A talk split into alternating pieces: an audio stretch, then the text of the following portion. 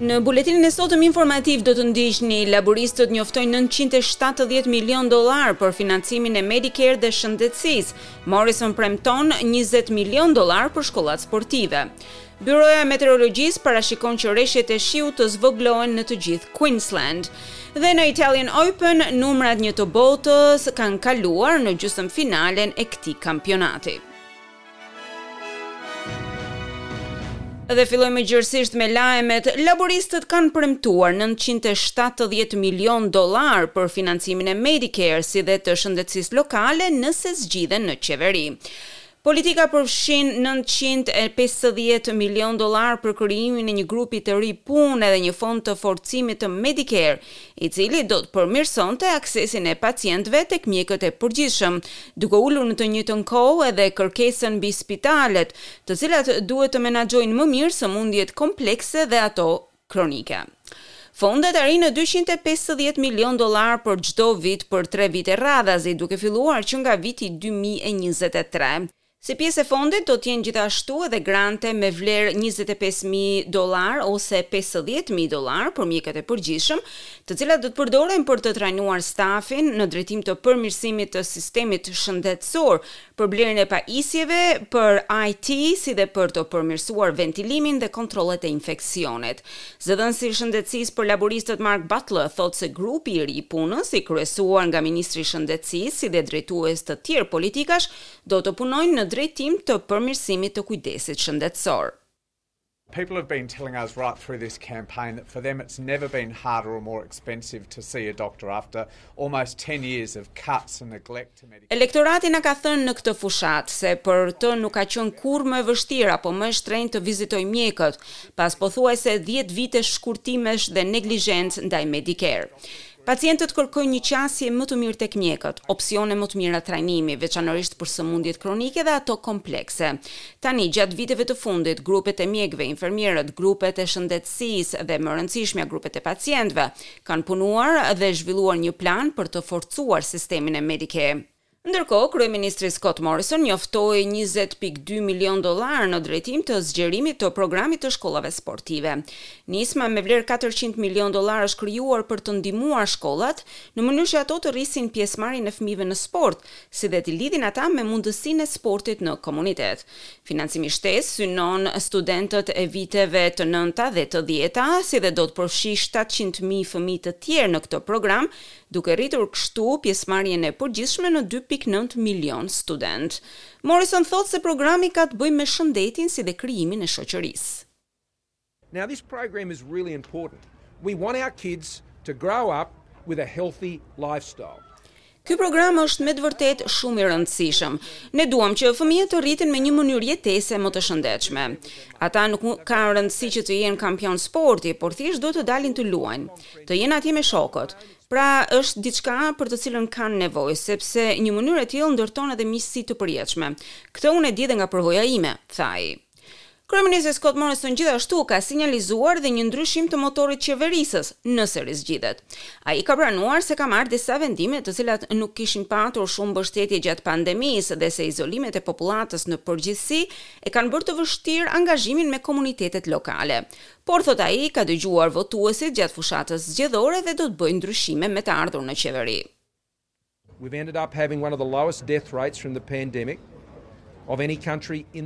Në fund të pandemisë, arritëm të kishim një nga nivelet më të ulëta të vdekjeve nga kjo pandemi, më pak se çdo vend tjetër në botë. Ekonomia jonë tani po ringjallet fuqishëm. Asgjë nuk është e përsosur dhe vendimet e mia nuk kanë qenë gjithnjë të përsosura. Po mendoj se australianët duhet ta dinë se unë e di këtë. Tani do të futemi në një fazë tjetër, ku politika që kemi vendosur deri tani do të fillojë të zhvillohet në drejtim të ekonomisë dhe mënyrës se si funksionon ajo. Të gjithë e dinë se unë nuk jam mendjelehtë kur vjen puna tek ekonomia, ata e dinë se unë nuk neglizhoj kur vjen fjala tek ajo, tha ai. Byroja e Meteorologjisë ka parashikuar që reshjet e shiut të lehtësohen në të gjithë Queensland, ndërkohë që pjesa juglindore e këtij shteti deri tani është mbuluar me shira të shumta. Laidley në rajonin e Lockyer Valley është goditur më së shumti me përmbytje në qendër të qytetit, treqind shtëpi janë prekur, e së bashku me to dhe disa biznese në Warwick. Pavarësisht lehtësimit të kushteve të motit, ministri i Zjarrfikësve dhe Shërbimeve të Urgjencës në Queensland, Mark Ryan, thotë se të gjithë duhet të qëndrojnë vigjilentë.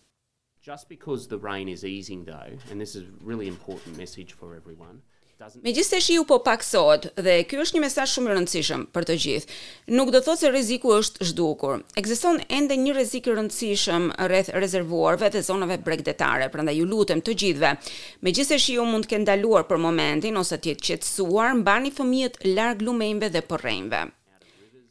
Prokurorja e Përgjithshme e Ukrainës, Irina Venedikova, tha se zyra e saj ka përgatitur dyzet e një aktakuza të krimeve të luftës kundër ushtarëve rusë. Lajmi vjen pasi Ukraina ka nisur gjyqin e saj të parë për krime lufte kundër njëzet e një vjeçarit Vadim Shishimarin, i cili dyshohet se vrau një civil gjashtëdhjetë e dy vjeçar të paarmatosur, duke e qëlluar në kokë nga një dritare e hapur e makinës gjatë ditëve të para të luftës. Nëse dënohet, ai përballet me një dënim të përjetshëm. Zonja Venedikova i ka thënë televizioneve ukrainase se se rastet e krimeve të luftës përfshijnë bombardimin e infrastrukturës civile, vrasjet e civilëve, përdhunimet dhe plaçkitjen. Rusia ka mohuar të ketë shënjestruar civilët dhe nuk ka komentuar mbi këtë gjyq. Ndërkohë Sekretari i Mbrojtjes së Shteteve të Bashkuara Lloyd Austin ka bërë thirrje për një armëpushim të menjëhershëm dhe përfundimin e konfliktit në Ukrainë. Lajmi vjen pas një telefonate midis zotit Austin dhe ministrit rus të Mbrojtjes, Sergei Shoigu, e para që kanë patur që nga pushtimi në shkurt. Zoti Austin thotë se ka theksuar rëndësinë e mbajtjes së komunikimit. Sekretari i Shtypit të Pentagonit, John Kirby, dha detaje rreth telefonatës dhe tha se lufta ka ndryshuar sigurinë e Europës. The secretary knows that the security environment is now changed based on what Mister Putin has done. Të gjithë e dinë se siguria në botë ka ndryshuar dhe kjo për shkak të veprës së zotit Putin. Uh, Tani do të jemi të uh, përhershëm gjithmonë në Europë e më pas do të bëjmë një vlerësim në të ardhmen. E ndërkohë, presidenti i Turqisë, Recep Tayyip Erdogan, thotë se është kundër anëtarësimit të Finlandës dhe Suedisë në NATO. Sipas lajmeve, Turqia mund të përdorë statusin e saj anëtar të NATO-s për të vënë veto ndaj lëvizjeve për të pranuar të dyja vendet në aleancë. Erdogan ka akuzuar Greqinë për përdorimin e aleancës së NATO-s kundër Turqisë dhe thotë se nuk dëshiron përsëritjen e këtij gabimi. Biz şu anda İsveç ve Finlandiya ile ilgili yani Po i ndjekim me vëmendje zhvillimet në lidhje me Suedinë dhe Finlandës dhe nuk jemi të një mendimi të favorshëm. Administratat e mëparshme kanë bërë gabime në lidhje me NATO-n, në lidhje me Greqinë më parë. Ju e dini qëndrimin që Greqia ka mbajtur ndaj Turqisë, duke marrë NATO-n si mbështetje. Për më tepër, vendet skandinave, për fat të keq, janë bërë një bujtinë për organizata terroriste. E ndërkohë Shtetet e Bashkuara thonë se po punojnë për të qartësuar më mirë qëndrimin e Turqisë në lidhje me këtë çështje. Demokratët në Shtetet e Bashkuara janë mbledhur në shkallët e Kapitolit për të kundërshtuar vendimin e parashikuar të Gjykatës së Lartë për abortin. Vendimi i Roe kundër Wade, i cili mbron të drejtën e grave për abort mund të anullohet dhe mund të çojë në kufizime mbi abortet e vendosura nga shtete të veçanta.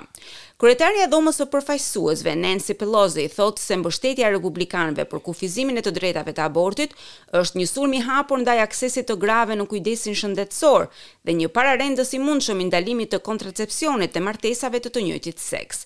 Përfaqësuesja e Kalifornisë, Barbara Lee, bëri një abort në moshën gjashtëmbëdhjetë vjeçare, në atë që ajo mund ta përshkruante si klinikë në Meksikë. Zonja Lee e ka quajtur ekstremin e mundshëm në pushtet. It's personal for me because I know firsthand what being denied access to legal abortion looks like. Kjo është shumë personale për mua. Është personale sepse di vetë se si të mohohet qasja në abortin ligjor. Kam përjetuar frikën, stigmën, traumën, dëshpërimin, mohimin e kujdesit për të cilin ke nevojë. E di se si është të kriminalizohesh nga vendimet që merr. Të detyrohesh të udhëtosh për të marrë kujdesin që të nevojitet, të shohësh të ardhmen tënde të varet nga vendimet e politikanëve dhe jo ato të mjekëve. Ndërkohë Koreja e Veriut ka raportuar njëzet e një vdekje të reja, më shumë se njëqind e shtatëdhjetë e katër mijë infeksione dhe persona me simptoma të temperaturës në mes të shpërthimit të parë të Covid nëntëmbëdhjetë në këtë vend, Lajmi thotë se numri total i vdekjeve ka shkuar në njëzet e shtatë dhe më shumë se pesëqind e njëzet e katër mijë persona janë infektuar me Covid nëntëmbëdhjetë deri tani. Gjatë një takimi mbi strategjitë antivirus, udhëheqësi i Koresë së Veriut, Kim Jong-un e përshkroi shpërthimin si një përçarje të madhe dhe ka bërë thirrje për unitet midis qeverisë dhe qytetarëve. Koreja e Veriut solli izolime mbarëkombëtare të enjten pasi konfirmoi rastet e para të virusit që me fillimin e pandemisë. Vendi nuk ka asnjë program vaksinimi.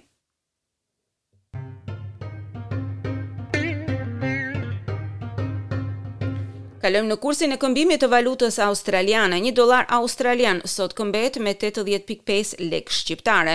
zero pikë gjashtëdhjetë e shtatë euro, zero pikë gjashtëdhjetë e nëntë dollarë amerikanë dhe dyzet e një pikë shtatë denarë të Maqedonisë së Veriut.